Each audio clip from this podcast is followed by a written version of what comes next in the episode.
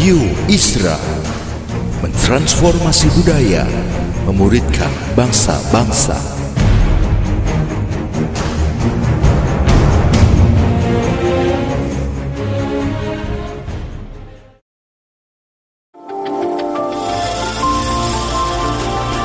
Voice of Pradaim menyuarakan paradigma kebenaran firman Tuhan yang esensi untuk memperlengkapi Anda menggenapi misi dan panggilan ilahi. Selamat mendengarkan.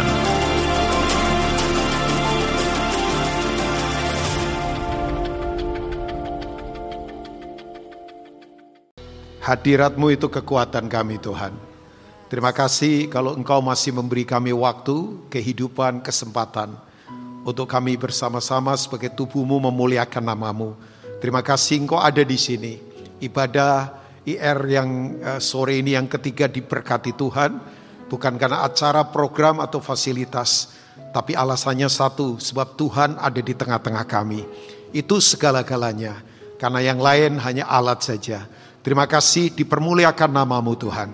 Datanglah kerajaanmu, jadilah kehendakmu di bumi seperti di sorga.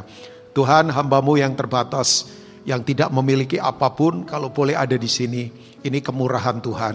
Mari berbicaralah Tuhan. Sampaikan hatimu, urapi lidah bibir hambamu yang terbatas ini. Apa berdoa sementara firman disampaikan. Yang lemah dikuatkan, yang sakit disembuhkan. Bahkan yang jatuh diangkat kembali. Karena firmanmu berkata setiap orang yang datang kepadamu tidak pernah engkau buang. Kau selalu menerima kami apa adanya. Terima kasih untuk kasihmu yang tak terbatas kasih yang tanpa syarat. Engkau dipermuliakan di sini Tuhan. Terima kasih. Hamba berdoa hadiratmu ada di tengah-tengah kami. Bagimu hormat, bagimu pujian, bagimu segala-galanya. Dalam nama Tuhan Yesus yang siap diberkati untuk menjadi berkat. Mari katakan amin, amin, amin. Uh, kata adaptasi, kemudian kata fleksibilitas, itu harusnya menjadi kata yang sangat biasa buat kekristenan. Ya, adaptasi, fleksibilitas, kemudian mengalir ya kan. Kita sekarang ada di masa di mana itu harus kita miliki. Ya, mungkin mungkin next week bisa saja kita ibadah online lagi mungkin kan belum saya nggak tahu ya. Ya, cuman dengar saja itu beberapa gereja putuskan untuk online service lagi karena kondisi case yang ada dan sebagainya ya. Tapi harusnya kan itu tadi, kata fleksibilitas, adaptasi, kemudian mengalir bersama Tuhan. Itu membuat kita harusnya bisa bisa beradaptasi dengan semua hal yang terjadi. Nah, kekristenan itu kalau begitu enak, paling paling luar biasa. Makanya kekristenan itu harusnya liquid. Harusnya liquid itu cair bergerak. Kan seperti air mengalir kan. Ya kan? Selalu Alkitab gambarkan kasih Tuhan itu seperti air mengalir, sungai kehidupan. Itu kan liquid itu, ya mengalir, ya Tuhan izinkan ke mana kita mengalir saja. Bukan nggak punya konsep, ya. Tapi harus saya katakan ya Bapak Ibu semua, orang-orang yang apa namanya metodologinya kuat, cermat itu bisa stres. Kalau tidak mengalir bersama roh Tuhan. Nah, kata roh Tuhan, roh, roh itu kan berasal dari kata asli namanya ruah bahasa aslinya ruah atau penuma. Itu artinya adalah wind, angin. Ya, angin itu sesuatu yang kita tidak bisa prediksi. Ya kan? Coba. Angin bisa kita rasakan, tapi kita tidak tahu kan dia datang dari mana atau ke mana dia pergi. Makanya hati-hati yang suka buang angin. Kita prediksi bau kanan, ternyata ke yang kiri bau kan. Enggak, karena angin itu itu tuh nggak bisa kita prediksi. Bayangkan negara superpower kayak Amerika yang punya nuklir, tidak bisa kalahkan badai angin, Katrina lah atau apa. Mereka berantakan. Ya kan? Karena angin itu tidak bisa diprediksi. Nah, hidup kita harusnya begitu. Nah, saya ingin mengajak kita hari ini uh, sharing hal yang saya nggak tahu ini profetik atau apa. Ya, saya berharap ini menjadi perenungan. Alkitab itu ya kalau kita membaca narasinya itu kebanyakan gambar. Jadi kita lihat gambar apa? Itu sering kali banyakkan bersifat nubuatan. Tapi saya malam ini nubuatan yang gak aneh-aneh ya. Karena sebetulnya beberapa nabi yang Tuhan pakai, ada empat nabi besar di perjanjian lama. Kalau yang lain nabi-nabi kecil ya, seperti Amos, Hosea, kemudian Nahum, Obaja, itu disebut Yunus, itu termasuk nabi-nabi kecil. Tapi mereka sangat luar biasa. Nah, Ada empat nabi besar yang selalu memberikan gambar dalam tulisannya. Seperti misalnya Yeskiel, kemudian Yesaya, kemudian Yeremia, dan satu lagi adalah Daniel. Kalau Daniel jelas itu, itu yang disebut dengan uh, itu tuh uh, nubuatan in the future tentang akhir zaman. Ya, apokaliptik itu bahasa kerennya ya. Akan uh, ada sesuatu yang terjadi di depan sampai ke ujung dunia ini selesai. Nah itu terkorelasi dengan kitab Wahyu. Ya, sekedar memberitahu. Ini tidak harus membuat bapak ibu bingung ya. Nah, saya ingin mengajak kita melihat gambar yang Yeskiel katakan di pasal 47. Coba kita lihat. Let's see Yeskiel 47. Gak tahu ayat ini uh, sangat kuat Tuhan taruh di hati saya untuk saya sharingkan sore ini. Sebenarnya tadinya saya ingin berbicara tentang the master of breakthrough, Tuhan atas terobosan. Itu salah satu nama Tuhan. Tapi nggak tahu saya tadi di parkiran, saya nunggu sudah agak lama, ya saya ada di bawah. Karena saya nyampe di daerah MGK ini kira-kira ya jam berapa ya? Setengah tiga kali ya. Jadi saya nunggu hampir hampir dua jam. Untung ada ada kopi yang nemenin saya. Jadi udah terus saya memang bawa buku karena saya tahu saya kalau balik lagi ke Tangerang waktu saya terbuang. Sebab tadi saya equip gereja teman saya nggak jauh dari sini. Setengah sebelas mereka ibadah sampai jam 12 selesai. Udah, udah saya gitu cari makan sebentar yang sepi Ya kemudian bisa sih kontak teman-teman tadi jadi rame kerumunan lah ya. Saya cari makan, kemudian saya ambil minuman, saya nunggu di bawah, saya baca buku hampir satu setengah jam lah lumayan ya. Lumayan saya dapat banyak pencerahan ya karena saya lagi baca bukunya David Powson tentang Unlocking the Bible, cara membuka Alkitab yang benar. Ya, saya suka suka belajar yang begitu-begitu ya Bapak Ibu ya, supaya pandangan jauh lebih tajam. Nah, saya kemudian Tuhan taruh ini di hati saya tentang gambaran ini. Nah, hopefully memang ini akan menjadi berkat. Saya berharap karena kondisi ke depan ini kalau kita yang cermat-cermat stres loh Bapak. Apalagi berpikir metodologi ya, habis A, B, B, C, C, D, E, F dan sebagainya. Sekarang kondisi tidak bisa begitu. Tiba-tiba berubah, tiba-tiba berubah. Ya berubah, berubah. Siapa sangka ya Uh, kemudian dunia sekarang dikejutkan dengan perubahan yang signifikan gara-gara virus. Dan ini bukan lagi isu kesehatan kan, tapi sudah isu keamanan, undang-undang berubah loh. Saya itu doain, doain beberapa orang yang pergi ke Australia. Ya anak-anak, kenapa? Orang tuanya stres. Mereka punya uang beli tiket. Mereka mau beli apartemen di Australia juga bisa lah. Uang mereka pengusaha. Ya anaknya sekolah di Australia. Tapi yang yang nggak nyaman kan begini, secara undang-undang anak ke sana tidak boleh diantar orang tuanya. Bayangkan, mungkin bapak ibu punya pengalaman ya sekarang. Coba, jadi sampai berkata Pak Rubin, tolong doakan anak saya. Anaknya berangkat sendiri, belum pernah tinggal di luar negeri. Jadi alone. Ya, ya saya hubungin teman-teman pastor di sana untuk coba di pick up, dijemput. Tapi kan stres karena undang-undangnya melarang nggak boleh diantar. Dan itu pun mereka bisa ke sana karena mereka punya visa student, student visa. Ya, Australia udah buka khusus untuk yang seperti PR ya, kemudian visa uh, pelajar yang memang diterima di sana. Tapi loan nggak boleh diantar siapa pun. Undang-undang semua berubah sekarang, aturan semua berubah, bayangkan. Siapa sangka orang dulu pergi ke luar negeri Begitu pulang Indonesia langsung bisa makan nasi padang mana lah, langsung nasi pecel lele. Eh, orang Indonesia kan makanannya enak-enak begitu. Tapi sekarang siapa sangka mereka pulang ke Indonesia harus dikarantina dulu. Padahal istilah karantina tahu nggak? Bisa ngerti ya istilah karantina itu kan untuk itu kan, untuk apa sih namanya dulu eh, binatang-binatang uh, yang di yang di apa sih namanya yang nggak boleh keluar kemudian Ya begitu keluar ketangkep harus dikarantina. Coba saya sampai berkata, istilahnya kok jadi begitu ya maksudnya dikarantina. Tapi kan siapa sangka, dulu karantina hampir berapa itu? Dua minggu kalau nggak salah 14 hari. Dan itu bikin orang stres loh. Karena orang mau mau kamarnya bagus kayak apa dikurung di kamar dua minggu, pu, keluar itu halu loh, itu halu. Ya itu kayak lahir baru loh itu begitu keluar kan.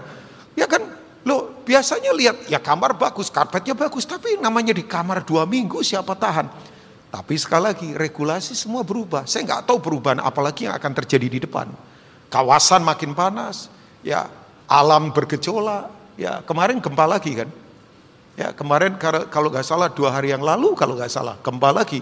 Nggak terlalu gede sih 5,5 tapi yang di tinggal di apartemen lantai atas lumayan itu. Saya yakin itu bahasa roh pasti luar biasa itu ya. Nah kondisi semua nah saya tidak mau tidak mau responsif dengan semua yang terjadi.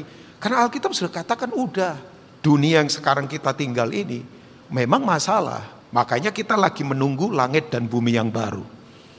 Yang mau katakan amin? Yo saya menunggu itu saya tidak berharap yang di sini Makanya tidak usah tidak usah kecewa lah kalau belum punya rumah bagus, mobil bagus, biasa saja. Tidak perlu iri sama orang lain. Nikmati apa yang ada pada kita, itu pemberian Tuhan. Tidak perlu nikmati yang belum ada pada kita, stres kita. Nikmati saja yang ada pada kita. Tidak perlu menikmati yang belum ada pada kita. Ngapain? Nikmati saja. Waktu yang Tuhan beri, keluarga yang Tuhan percayakan. Makanya suami Jangan kasar sama istri, istri jangan kurang ajar sama suami, anak-anak jangan berontak sama orang tua, orang tua jangan sakiti anak-anak. Ya, nikmati pekerjaan kita. Yang penting di situ Tuhan dimuliakan. Wah, kok saya semangat sendiri nih sore ini. Yang saudara yang mau katakan amin? Ya, karena memang dunia yang sekarang ini dunia sudah trouble, tidak ada harapan. Oh, Pak Rubin pesimis. Bukan, saya bukan orang pesimis. Kalau pesimis jadi fatalistis nanti. Saya menyerah pada takdir. Enggak lah. Enggak, saya tetap optimis. Tapi kan kita menunggu langit dan bumi yang baru. Nah, coba kita lihat gambaran apa yang Yeskel dapatkan dari pasal 47. Yeskel pasal 47, coba kita lihat. Ayat yang pertama, mungkin agak panjang sedikit ya, sampai ayat yang ke... Uh, sampai ayat yang ketujuh boleh. Thank you yang di multimedia. Nah ya. Kemudian ia membawa aku kembali ke pintu bait suci. Ia di sini nih penampakan malaikat Tuhan. Kalau bahasa kerennya teofani. Teofani itu Tuhan menampakkan diri lewat malaikat di perjanjian lama. Jadi ini pribadi Tuhan sendiri sebetulnya ya. Dan sungguh ada air keluar dari bawah ambang pintu bait suci itu dan mengalir menuju ke timur. Sebab bait suci itu menghadap ke timur dan air itu mengalir dari bawah bagian samping kanan dari bait suci itu sebelah selatan mesbah. Tolong sementara saya baca ini, saudara betul-betul minta roh kudus membukakan ini. Ini gambaran loh. Kalau Bapak Ibu bisa menangkap gambaran ini dari Tuhan, waduh, kita akan kuat. Ya ya, sebab begini, dari gambaran yang kita nanti akan baca, kuasa Tuhan itu tidak bisa dibatasi oleh keadaan apa pun. Yang setuju katakan amin? Tidak usah takut. Orang stres kenapa? Karena terbatas. Pikiran terbatas, sudut pandang terbatas, fasilitas terbatas, itu bikin stres. Tapi kan Tuhan kita tidak terbatas. Makanya betul, jangan batasi Tuhan. Masa lalu kita jangan batasi Tuhan. Ada yang gagal, biasa itu. Pak Rubin sering gagal, ya ampun, saya sarjana kegagalan di masa lalu. Tapi oke. Okay. Ya, karena Tuhan kita tak terbatas. Nah, ayat yang kedua dikatakan gini. Lalu diiringnya aku keluar melalui pintu gerbang utara dan di bawahnya aku berkeliling dari luar menuju pintu gerbang luar yang menghadap ke timur. Sungguh, kata sungguh itu fakta yang tidak bisa dipantah. Air itu membual dari sebelah selatan. Sedang orang itu pergi ke arah timur dan memegang tali pengukur di tangannya. Ia mengukur seribu hasta. Seribu hasta itu 0,045 km. 0,045 km. Agak sedikit panjang itu ya. Sedang orang itu uh, mengukur seribu hasta. Ia menyuruh masuk, uh, ia menyuruh aku masuk ke dalam air itu. Maka dalamnya sampai ke pergelangan kaki. Ia mengukur seribu hasta lagi dan menyuruh aku masuk sekali lagi ke dalam air itu. Sekarang sudah sampai di lutut. Ia mengukur seribu hasta lagi, menyuruh aku masuk, menyuruh aku ketiga kalinya masuk ke dalam air itu. Sekarang sudah sampai di pinggang. Ayat lima. Sekali lagi ia mengukur seribu hasta lagi. Sekarang air itu sudah menjadi apa Bapak Ibu? Sungai. Yang uh, uh, di mana aku tidak dapat berjalan lagi sebab air itu sudah meninggi sehingga orang dapat berenang. Suatu sungai yang tidak dapat diseberangi lagi. Lalu ia berkata kepadaku, "Sudahkah engkau melihat, hai anak manusia?" Kata melihat di sini itu gambar bukan sekedar fisik, tapi ini mata rohani. Saya waktu membaca ini saya bertanya pada diri saya, saya melihat apa ini di gambar ini? Ini gambaran ilahi. Makanya saya makin nge sekarang doanya Paulus, Tuhan terangi mata hatiku. Bapak Ibu tahu ya, kita ini kalau sekarang pakai mata fisik, stres kita. Saya ulangi ya, semua yang mengandalkan hanya mata fisik, waduh, stres, berat. Semua nggak ada harapan, semua berat, tantangan nggak gampang, bisnis susah, kawasan panas, politik nggak jelas, semuanya. Kalau melihat mata fisik. Makanya perlu dikembangkan mata rohani kita. Itu yang Paulus katakan Efesus 1, terangi mata hatiku untuk melihat pengharapan apa yang terkandung dalam panggilanmu. Ya, ada lagu kan, buka mata hatiku untuk aku melihat engkau Tuhan. Ini mata rohani ya. Sudahkah engkau melihat kita melihat gambar apa? Hai anak manusia. Kemudian ia membawa aku kembali menyusur tepi sungai. Dalam perjalanan pulang, sungguh saya heran ya. Satu kata ini diulang beberapa kali. Itu penting banget. Sungguh. Katakan sungguh Bapak Ibu. Sungguh itu begini, fakta yang tidak bisa dibantah. Ini nyata, tidak main-main. Sungguh, ya. ya. Sekali lagi, sepanjang tepi sungai itu ada amat banyak pohon di sebelah sini dan di sebelah sana. Ya, ayat 8. Ia berkata kepadaku, sungai ini mengalir menuju wilayah timur, menurun ke arah Bayurdan. Bermuara di laut asin, air yang mengandung banyak garam, dan air itu menjadi tawar. Ayat 9 dan, Sehingga ke mana saja sungai itu mengalir, segala makhluk hidup yang berkeriapan di sana akan hidup. Ikan-ikan menjadi sangat banyak, sebab ke mana saja air itu sampai air, di, air laut di situ menjadi tawar. Ke mana saja sungai itu mengalir, semuanya di sana apa Bapak Ibu? Hidup, nggak ada kematian. Maka penangkap-penangkap ikan penuh sepanjang tepinya mulai dari En-Gedi sampai En-Eglaim. Daerah itu menjadi penjemuran pukat dan di sungai itu ada berjenis-jenis ikan seperti ikan-ikan di laut besar sangat banyak dan seterusnya. Bapak Ibu bisa selesaikan sampai ayat 12. Yang setuju katakan? Oke. Nah, dari ayat-ayat ini gambar apa yang kita lihat sebetulnya?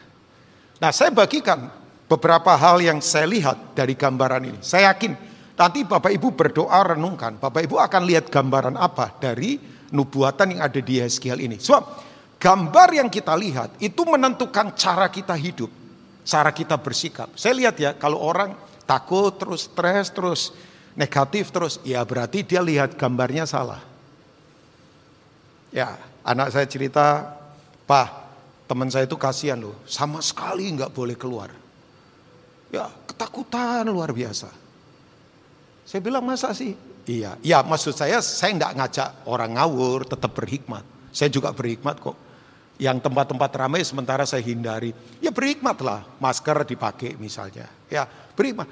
Tapi maksud saya begini, kalau kita lihat gambarnya ketakutan, stres terus, ya pasti cara kita ngomong, cara kita hidup pasti akan seperti itu. Nah, saya nggak tahu Bapak Ibu itu lihat gambar apa dari apa yang Tuhan mau.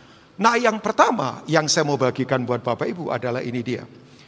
Bahwa ternyata hadirat Tuhan itu ya yang digambarkan dengan sungai tadi, air tadi ya. Aliran Tuhan, hadirat Tuhan, roh Tuhan itu. Itu tidak bisa dibatasi oleh apa pun. Nah, yang setuju katakan amin. Jadi begini, Tuhan itu tidak bisa dibatasi oleh apa pun. Loh, itu yang Yeskiel lihat adalah dia melihat di bait Allah sebuah bangunan. Ya kayak sekarang ini kita beribadah lah. Kita ada di tempat namanya gedung gereja. Tapi ini gedungnya saja loh, gerejanya kita, ya kan? Kita ini gereja, makanya disebut gedung gereja. Nanti yang diangkat bukan gedung.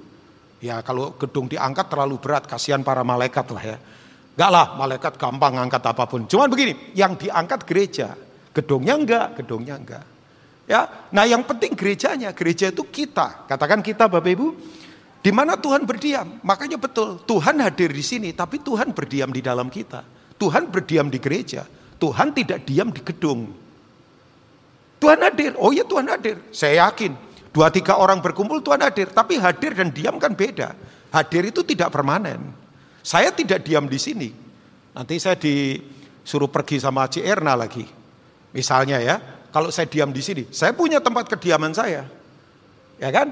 Tapi saya hadir di sini. Saya hadir di sini karena kita ibadah kan. Saya diundang untuk melayani. Ini kepercayaan dari Tuhan. Nah, saya beritahu, sayangnya kan, tempat kediaman Tuhan gak diurus dengan benar. Makanya, ya nggak apa-apa lah. Saya ketemu tempat uh, kehadiran Tuhan bagus-bagus. Ya, ada satu gereja ya punya mixer saja satu bisa beli 10 miliar mixer saja loh. Mic-nya keren-keren. Oh keren-keren. Pokoknya yang fals jangan coba-coba nyanyi. Itu bisa ke strum mic-nya. Ya, jadi kalau yang fals-fals nyanyi bisa ke strum itu. Ya, enggak bercanda saja, enggak mungkin begitu lagi. Tapi nggak apa-apa, tempat kehadiran Tuhan bagus-bagus oke. Cuman pertanyaannya, tempat kediamannya Tuhan diurus nggak? Berapa banyak asap-asap nggak perlu ada di dalam kita, sumpah serapa, kenajisan, praktek-praktek sihir di dalam hidup kita. Nah, Tuhan itu yang diam di dalam bait suci, bait Allah, itu adalah kita. Itu tidak bisa dibatasi oleh apa pun Bapak Ibu. Makanya jangan batasi Tuhan. Yang saya lihat begini, dia mengalir. Kan tadi saya katakan ya, adaptasi, fleksibilitas, kemudian apalagi itu? Penyesuaian hidup itu, itu harusnya jadi kata utama orang Kristen. Orang Kristen tuh harusnya yang sungguh-sungguh, tidak perlu stres. Ya, Tuhan bawa ke mana, kita ikutin dia kan. Tuhan mengalir ke mana, kita ikutin dia. Nah yang saya tahu dalam aliran Tuhan, itu selalu ada kekuatan yang tidak terbatas. Yang percaya katakan amin. Makanya betul, hadirat Tuhan itu kekuatan kita. Ya, ya. Saya punya kakak rohani selalu bilang, Bin, kalau kamu lagi stres, nyembahlah Tuhan. Jangan hiraukan apa pun. Dan betul saya lakukan. Saya kadang kalau lagi stres, stres juga. Salah satu stres saya adalah kalau ngajarin orang tapi orangnya tidak berubah-ubah. Itu bikin saya stres. Saya ini kalau khotbah ya, yang dengar khotbah tidak berubah-ubah, itu stres loh saya. Ya, oh Pak Rubin kan ya pendeta asal enggak enggak. Saya punya tanggung jawab moral Bapak Ibu. Ya, dan sering kali kalau saya lagi stres, saya lakukan itu. Saya nyembah, saya saya nyanyi, saya kemudian worship. Udah, itu memang kekuatan yang luar biasa. Dan Daud itu lakukan itu kan dalam kehidupan. Ketika dia ditekan, dia mengalami apa pun, dia worship, dia ambil kecapi, dia menyembah Tuhan. Tapi genuine ya, nggak dibuat-buat. Dan Tuhan memang melawat dia secara luar biasa. Nah saya ingatkan buat kita. Kita ini bait Allah. Yang percaya sekali lagi katakan amin. Tolong jaga, jaga. Orang kalau ada dalam kekudusan. Saya yakin kesehatan, berkat itu ngalir. Tidak mungkin enggak. Cuman kalau kotor-kotor di dalam, nah itu bahaya.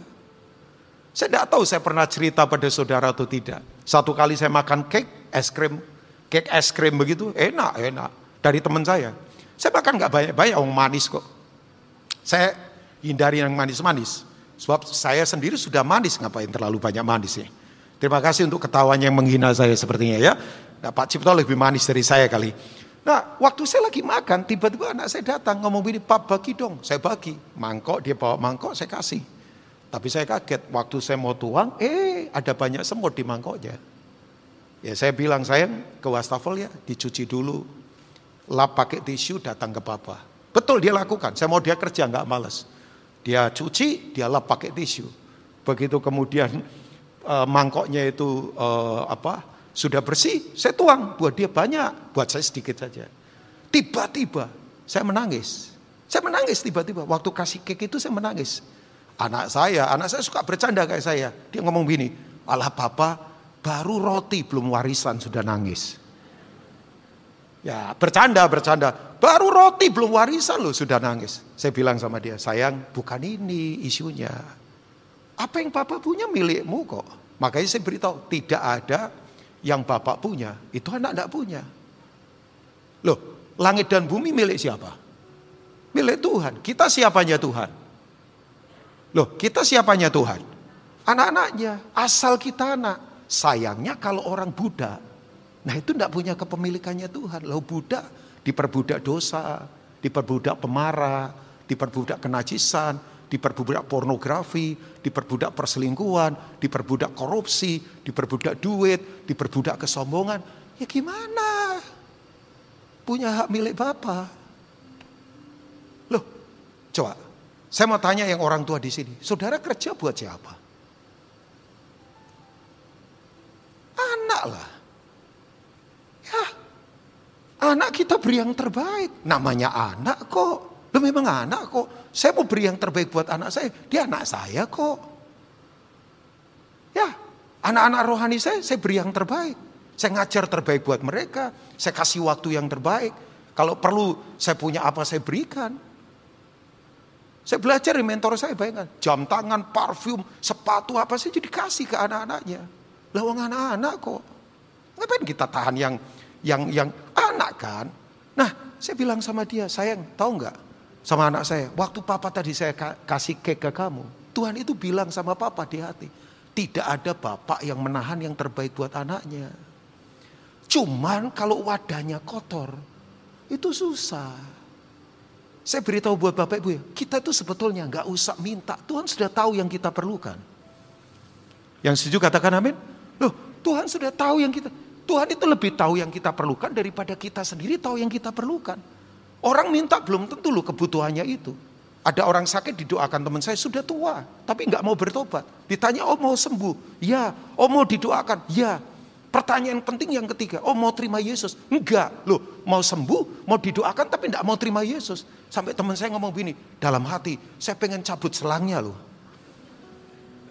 Ternyata orang ini tidak tahu apa yang dia butuhkan. Yang dia butuhkan bukan sehat. Yang dia butuhkan bukan dia sembuh dari sakitnya. Yang dibutuhkan jiwanya diselamatkan. Sudah tua, pengen sehat, pengen sembuh. Tapi tidak mau terima Yesus. Berarti dia tidak tahu yang dia butuhkan.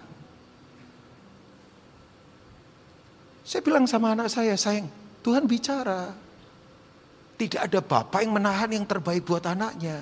Cuman begini, kalau wadahnya kotor, itu susah kan. Karena kalau saya kasih cake tadi dengan campur semut, anak saya enak. Tapi sakit bisa perutnya. Coba kita reject. Karena begini, kuasa Tuhan itu akan mengalir tak terbatas. Amin. Yang saya lihat begini, gak bisa dibatasi oleh bait Allah.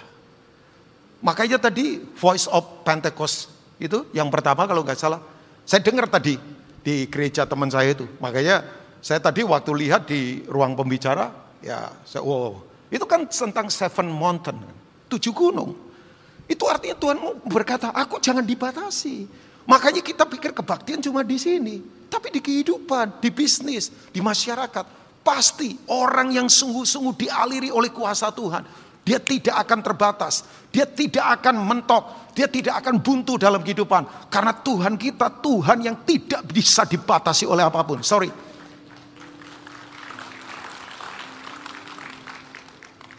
Ada di sini yang sekarang lagi stres, saya beritahu. Biar dia mengalir. Tapi yang penting jadilah bait yang benar. Sudahlah yang motif-motifnya jahat, bertobat. Yang pahit-pahit. Jangan-jangan. Jangan batasi Tuhan bekerja. Yeskiel melihat begini, itu mengalir. Ada yang kecewa, sorry ya, kekecewaan itu bisa membatasi Tuhan bekerja. Jangan, jangan. Ya, kenapa orang kecewa? Karena apa yang dia mau tidak menjadi kenyataan. Harusnya kan begini, bersyukur saja. Pak Rubin sering apa yang Bapak mau nggak jadi kenyataan, oh, sering banget, sering banget. Saya dulu berpikir saya nggak mau jadi pendeta. Saya mau jadi ahli keuangan. Sebelumnya saya pengen jadi tentara. Maya tadi ketemu satu uh, anak jemaat dari teman saya jadi Kopassus, wah saya iri loh. Badannya keren, bayangkan. Di Cijantung sana. Saya bilang, bro, dulu saya pengen kayak bro loh. Cuman ya nggak tahu kenapa nggak juga. Pengen lah, lumayan lah kalau sekarang mungkin saya sudah jenderal bintang dua kali pak. Ya, kok Pak Cipto ketawain saya kayaknya ya. Nggak, maksudnya bercanda saja. Tapi Ya pengen pengen beberapa hal nggak jadi, nggak apa-apa, saya bersyukur saja. Bahkan dalam perjalanan, usaha papa bang, bangkrut, ya ekspektasi saya mau ke mana mau ke mana tidak menjadi kenyataan, nggak apa-apa.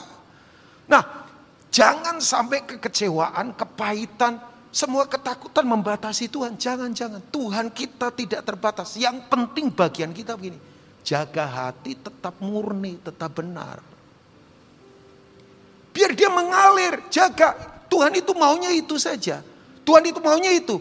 Makanya betul, jangan ambil bagiannya Tuhan. Biar Tuhan lakukan bagiannya. Ba ambil bagian kita. Bagian kita adalah jaga hati untuk tetap suci, kudus.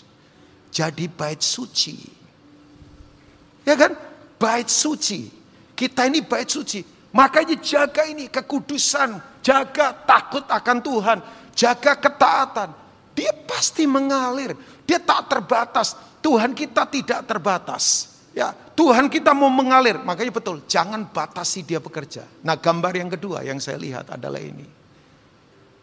Waktu malaikat itu mengukur, Ukur ini diukur. Begitu kemudian selesai diukur seribu hasta. Dia suruh Yeskiel masuk. Waktu kemudian masuk, itu dia masuk pertama kali sepergelangan kaki. Ya itu apa namanya dangkal ya, sepergelangan kaki kok. Nah pertanyaan saya, kalau Tuhan ukur hidup kita, ukur hidup saya lah. Saya itu ada di mana sebetulnya? Jangan ngukur dengan standar kita ya. Kalau ukur, ukur dengan standar saya bisa ndak bisa ndak itu ndak objektif kan? Saya bisa subjektif. Oh, saya pendeta kok pasti ukurannya luar biasa. Cuman pertanyaannya, kalau Tuhan mengukur, kita ada di mana? Ukuran pertama Yeskiel masih di itu, pergelangan kaki. Ukuran kedua mulai satu lutut. Ukuran ketiga mulai satu pinggang. Ya. Nah, yang saya mau beritahu buat Bapak Ibu adalah begini. Waktu Tuhan ukur kita, kekristenan kita ini ada di mana. Kalau masih sepergelangan kaki berarti begini, komitmen gak ada. Pergelangan kaki kan begini, saya lagi seneng, saya masuk. Saya nggak suka, saya keluar. Iya dong, pergelangan kaki kan bisa keluar masuk seenaknya, terserah saya. Saya lagi seneng kebaktian, saya datang. Saya lagi seneng melayanan, saya datang. Kalau enggak, kalau enggak menguntungkan saya, jauh saya, pergi saya. Ya kan? Kalau dalam kekristenan tidak menguntungkan saya, saya akan keluar.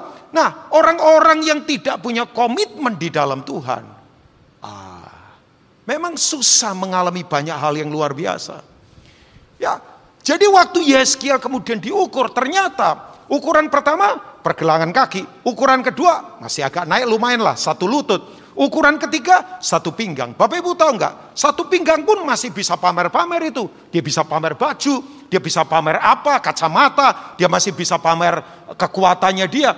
Nah Tuhan itu mau waktu kita diukur. Dia betul-betul mau kita ditenggelamkan dalam kekuatannya. Artinya apa? Saya boleh bertanya, Bapak Ibu mau tenggelam dalam kekuatan Tuhan?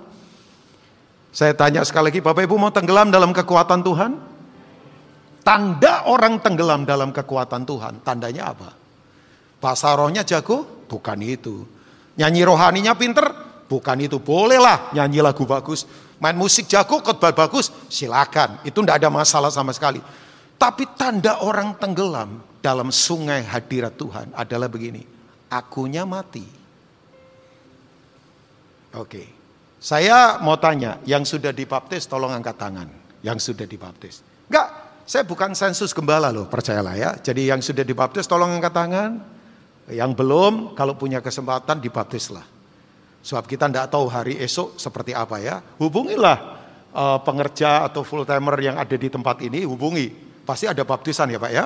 Nah, kata baptisan itu berasal dari kata asli. Ada yang tahu nggak kata baptisan berasal dari kata apa?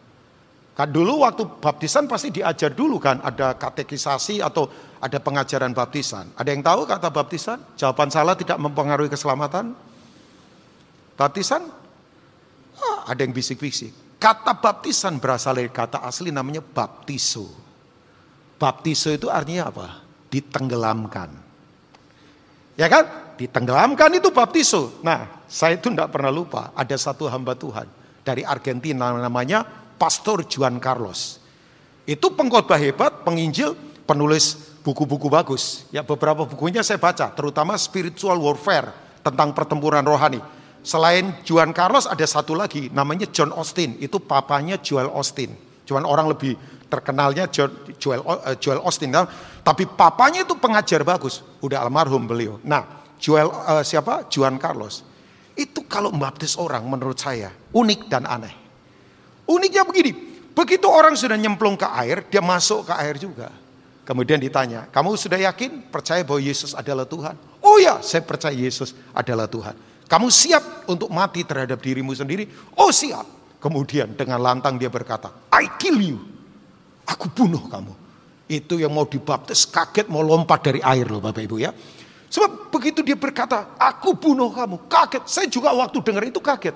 Ternyata dia berkata begini, ini yang dia katakan. Saya baru nggak. Orang kalau belum mati, jangan dikubur sebab sakit. Ya dong.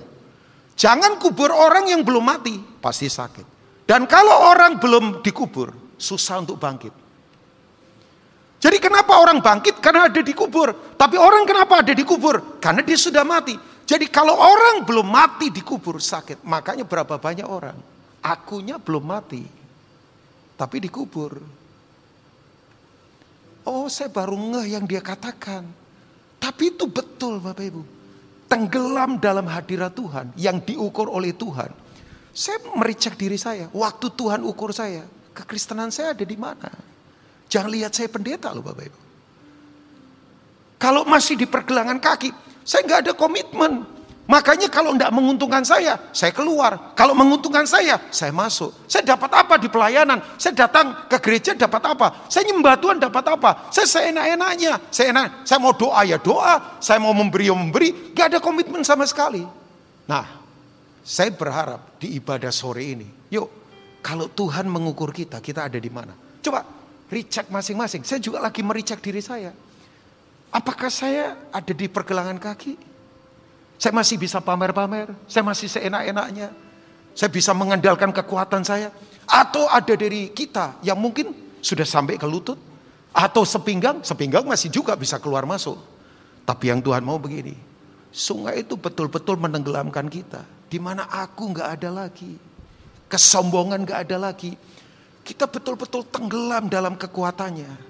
Ya, percaya nggak Tuhan kita berdaulat? Percaya enggak Tuhan kita pegang kendali. Yang percaya katakan amin. Bapak Ibu enggak usah takut. Tapi untuk mengerti itu, kita harus tanggalkan keakuan kita. Ya, ya. Saya sadar begini. Bahwa eh, hari depan yang enggak jelas buat dunia. Tuhan sudah pastikan dia pegang hari depan kita. Enggak usah khawatir. Tapi yang penting kuncinya. Tenggelam dalam kekuatannya dia. Saya sungguh-sungguh berdoa. Ini Sekali lagi ya, ibadah kita mungkin uh, minggu depan kita sudah masuk ke mungkin. Saya nggak tahu ya pengumuman nanti pasti akan ada. Mungkin ya gereja nggak tahu ke depan gimana. Ibadah pasti berubah semua. Ya, tapi please nggak usah takut. Asal kita tenggelam dalam sungainya Tuhan. Sebab yang ketiga adalah ini dia. Dampak dari aliran hadirat Tuhan. Nah Bapak Ibu begini, setelah jadi sungai, katakan sungai Bapak Ibu Sekali lagi katakan sungai. Sungai itu bicara pengaruh. Makanya betul ada prinsip yang berkata, tidak usah bingung ya. Kita tidak bisa ada di sungai yang sama. Di hari yang berbeda walaupun sungainya sama. Misal, saya masuk ke sungai di sekitar daerah saya namanya Cisadane. Karena saya orang Tangerang. Ya kan? Yang dari Tangerang pasti tahu lah. Ini beberapa wajah kelihatan dari Tangerang ada juga ya. Asalnya mungkin dari Tangerang. Saya bukan asli Tangerang, tapi saya lama tinggal di Tangerang. Di Tangerang ada sungai Cisadane. Itu sempat saya tinggal di sebelah sungai itu nggak jauh karena saya ada di perumahan Karawaci. Itu nggak jauh itu sungai Cisadane. Kalau Bapak Ibu tahu Karawaci kan dekat itu. Nah, satu kali yang uh, uh, apa membantu saya di rumah itu tinggalnya di situ. Jadi satu kali saya ke arah dia, ke arah keluarga ini. Bapak Ibu tahu nggak? Begitu saya coba nyemplung ke air sungai Cisadane. Nyemplung, asik Ya warnanya, warnanya itulah. Uh, apa sih Nescafe 3 in 1 begitu ya. Coklat ke susu-susuan begitu ya. Ya tinggal kasih gula asik sih. Diseduh. nah jadi waktu saya nyemplung ke sungai itu. Bapak Ibu tahu. Besok paginya saya ke situ lagi. Itu sudah beda sungainya. Yang beda apanya? Alirannya. Ya. Oh, eh, diumumkan di eh, di apa sih di screen teksnya sudah uh, untuk minggu depan sudah online lagi udah diumumkan berarti ya. Ya. Di belakang. Oh di di sini enggak usah lah ya, belakang untuk saya saja ya. Nah, saya kan nggak berani berani mutusin wong ini kan keputusan gereja. Ternyata betul ya minggu depan uh, kita online lagi ternyata ya. Nah, Bapak Ibu begini, begitu saya nyemplung hari berikutnya lagi, sungainya beda. Yang beda apa? Alirannya. Nah, sungai Tuhan itu makanya digambarkan kasih Tuhan itu setiap hari selalu baru buat setiap kita. Ya, makanya yang penting begini, kita tenggelam. Kalau masih nampak aku-akunya, susah. Nah Bapak Ibu tahu nggak? Sungai itu bicara pengaruh. Misal, saya kasih contoh dah sebelum saya tutup. Mazmur 137. Ini dinyanyikan oleh uh, grup lama namanya Apokalipso apa apa ya. Terus di nyanyikan ulang sama itu tuh uh, jagoan dance namanya Bonnie M. By the river of Babylon. Ya pasti tahu itu. Yang angkatan-angkatan ya 50-an pasti tahu lah. Yang tahu lagi ini tolong angkat tangan. By the river of Babylon. Enggak cuma mau mau tanya aja yang tahu lagu ini tolong angkat tangan. Angkat tangan, angkat tangan. Ya, yang angkat tangan berarti sudah tua. Ya, termasuk saya karena saya tahu lagu ini. Jadi maafkan yang angkat tangan kayak saya, angkatannya sama. Nah, ini lagu di Karang eh, eh, lagu ini sebetulnya ngambil dari ini. Waktu Israel ditawan di Babilonia, nah ini dia. Di tepi sungai-sungai Babel, sungai itu bicara tentang dampak arus. Saudara ada di sungai mana? Kalau saudara ada di sungai dunia, takut. Saudara ada di sungai dunia, nggak jelas. Ada di sungai dunia, ngeri. Pengaruhnya ngeri. Pengaruhnya nggak jelas. Pengaruhnya nggak ada harapan pengaruhnya krisis, pengaruhnya apa? Makanya kita ada di sungai mana? Nah, kita berkata, di sanalah kita duduk sambil menangis apabila kita mengingat Sion. Sion itu adalah pusat kemuliaan. Ayat yang kedua. Pada pohon-pohon gandarusa di tempat itu kita menggantungkan kecapi kita. Orang yang tidak punya harapan selalu penyembahannya diserang. Tidak bisa lagi menyembah. Pernah lihat ada orang ngomel terus, marah terus. Tidak bisa menyembah. Oh tapi dia bisa nyanyi pak. Sorry, nyanyi beda dengan menyembah. Karena ini soal hati. Di kedalaman. Makanya banyak orang pintar nyanyi, tapi belum tentu menyembah. Jadi ketiadaan pengharapan, tidak adanya pengharapan, itu selalu menyerang penyembahan. Orang kalau hopeless, itu penyembahannya diserang. Makanya perkataannya kotor, perkataannya licik, perkataannya penuh politik, trik-trik yang gak jelas, perkataannya perkataan yang kosong hampa karena penyembahannya diserang di tepi sungai Babel. Ayat yang ketiga. Sebab di sanalah orang-orang yang menawan kita meminta kepada kita memperdengarkan nyanyian dan orang-orang yang menyiksa kita. Kita di dunia ini siksaannya luar biasa sekarang. Semua gak jelas. Meminta nyanyian sukacita nyanyikanlah bagi kami nyanyian dari Sion, nyanyian penyembahan. Tapi mereka menjawab ayat 4. Bagaimanakah kita menyanyikan nyanyian Tuhan di negeri asing? Beda ya sama Yeskel pasal 47. Sungainya beda. Ini sungai Babel. Nah, oke. Okay. Bapak Ibu coba nanti baca mulai ayat yang ketujuh. Yeskel 47 sampai 12. Sepanjang sungai Tuhan itu. Tata baik wajah saya, dengarkan apa yang saya mau katakan. Ini akan terjadi di depan. Bersiap orang-orang benar, waktunya tidak akan lama. Bersiap para pengusaha, bersiap orang-orang muda. Saya mau tanya, di sini yang di bawah 30 tahun tolong angkat tangan. Yang di bawah 30 tahun. Saya tahu mana yang benar, mana yang enggak. Dari wajahnya kelihatan. Di bawah 30 tahun? Oke. Okay. Enggak, tetap angkat tangan yang tinggi di bawah 30 tahun. Eh, buat kalian yang di bawah 30 tahun, ini nubuatan buat kalian. Saya enggak tahu ini nubuatan atau tidak. Ini pembentukan luar biasa buat kalian di masa seperti ini. Studi kasusnya tidak bisa kita dapat di UI, di Harvard, di Nanyang. Kalian sedang dibentuk untuk jadi generasi yang tough, yang kuat, yang kreatif untuk melakukan apa yang Tuhan mau dan Tuhan tidak akan pernah meninggalkan kalian.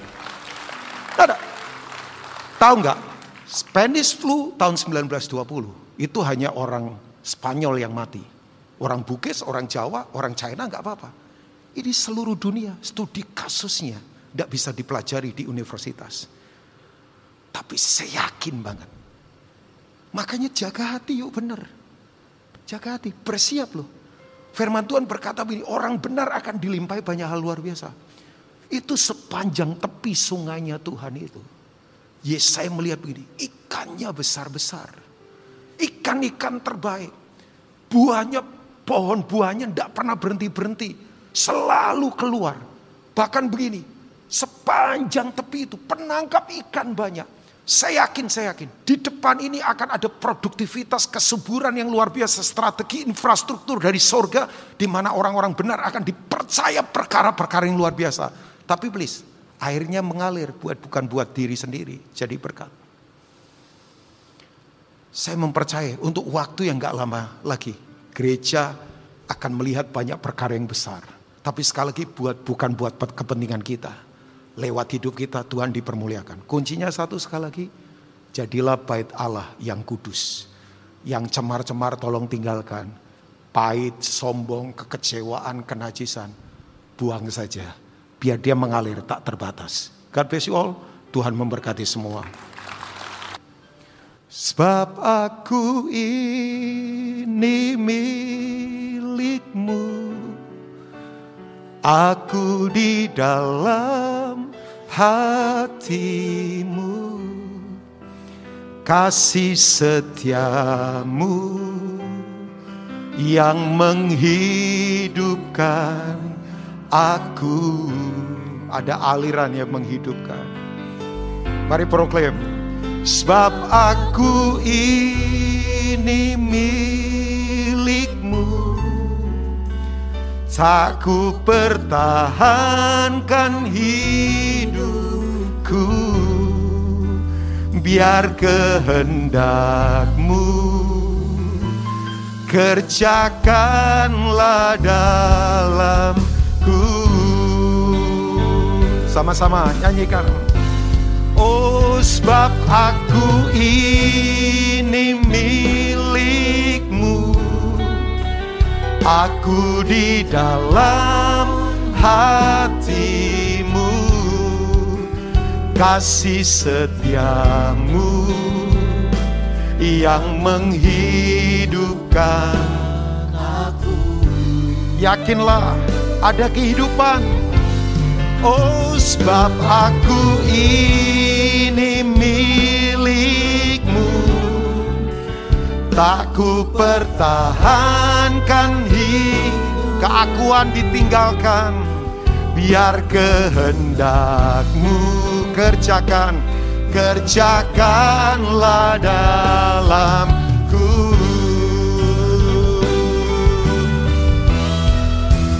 Sebab aku ini milik.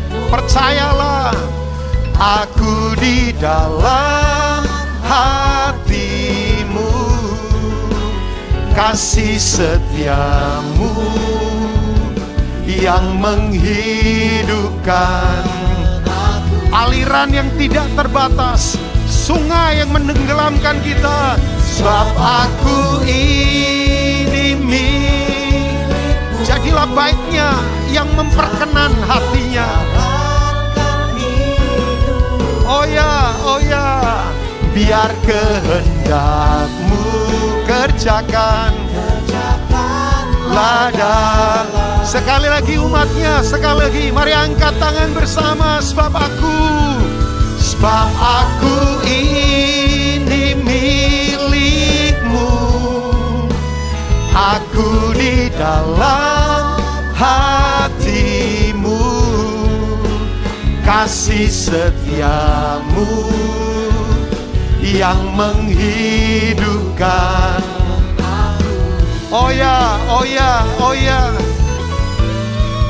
Sebab aku ini milikmu Tak ku pertahankan Biar kehendakmu kerjakan. Katakan biar kehendakmu. Biar kehendakmu Biar kehendakmu. Biar kehendakmu Biar kehendakmu. Biar kehendakmu Kerjakanlah dalamku Sembah Tuhan. Haleluya Sembah Tuhan. Sedekaramaso Sembah Tuhan. Hikarapalapa sedekaramaso Haleluya Sembah. Tinggikan namanya Hikaramalabaso Haleluya Sedekarapalamaso Haleluya Haleluya Sedekaramaso Hikarapalapa sekete karapalamase Haleluya. Sede karabalabaso.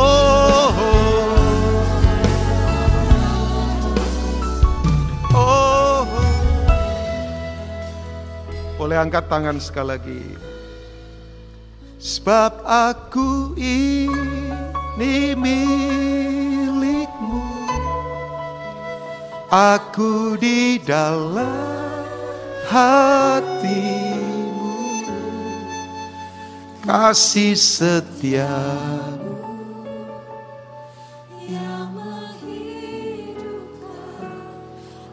Bisa nikmati tidak alirannya Kehidupan Sebab aku ini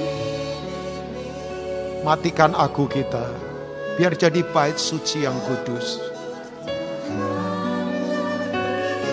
Kekudusan adalah modus operandi Tuhan bekerja. Di sanalah dia bergerak tidak terbatas. Holiness. Sekali lagi, sekali lagi, dari hati yang paling dalam. Sebab aku ini siapa pun kita. Aku di dalam Oh ya, kasih setiamu bukan kematian, tapi kehidupan. Sungai Babel itu kematian, sungai Tuhan kehidupan.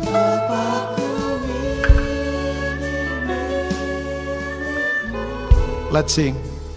Tak ku pertahankan hidupku. Oh ya, biar kehendakmu kerjakanlah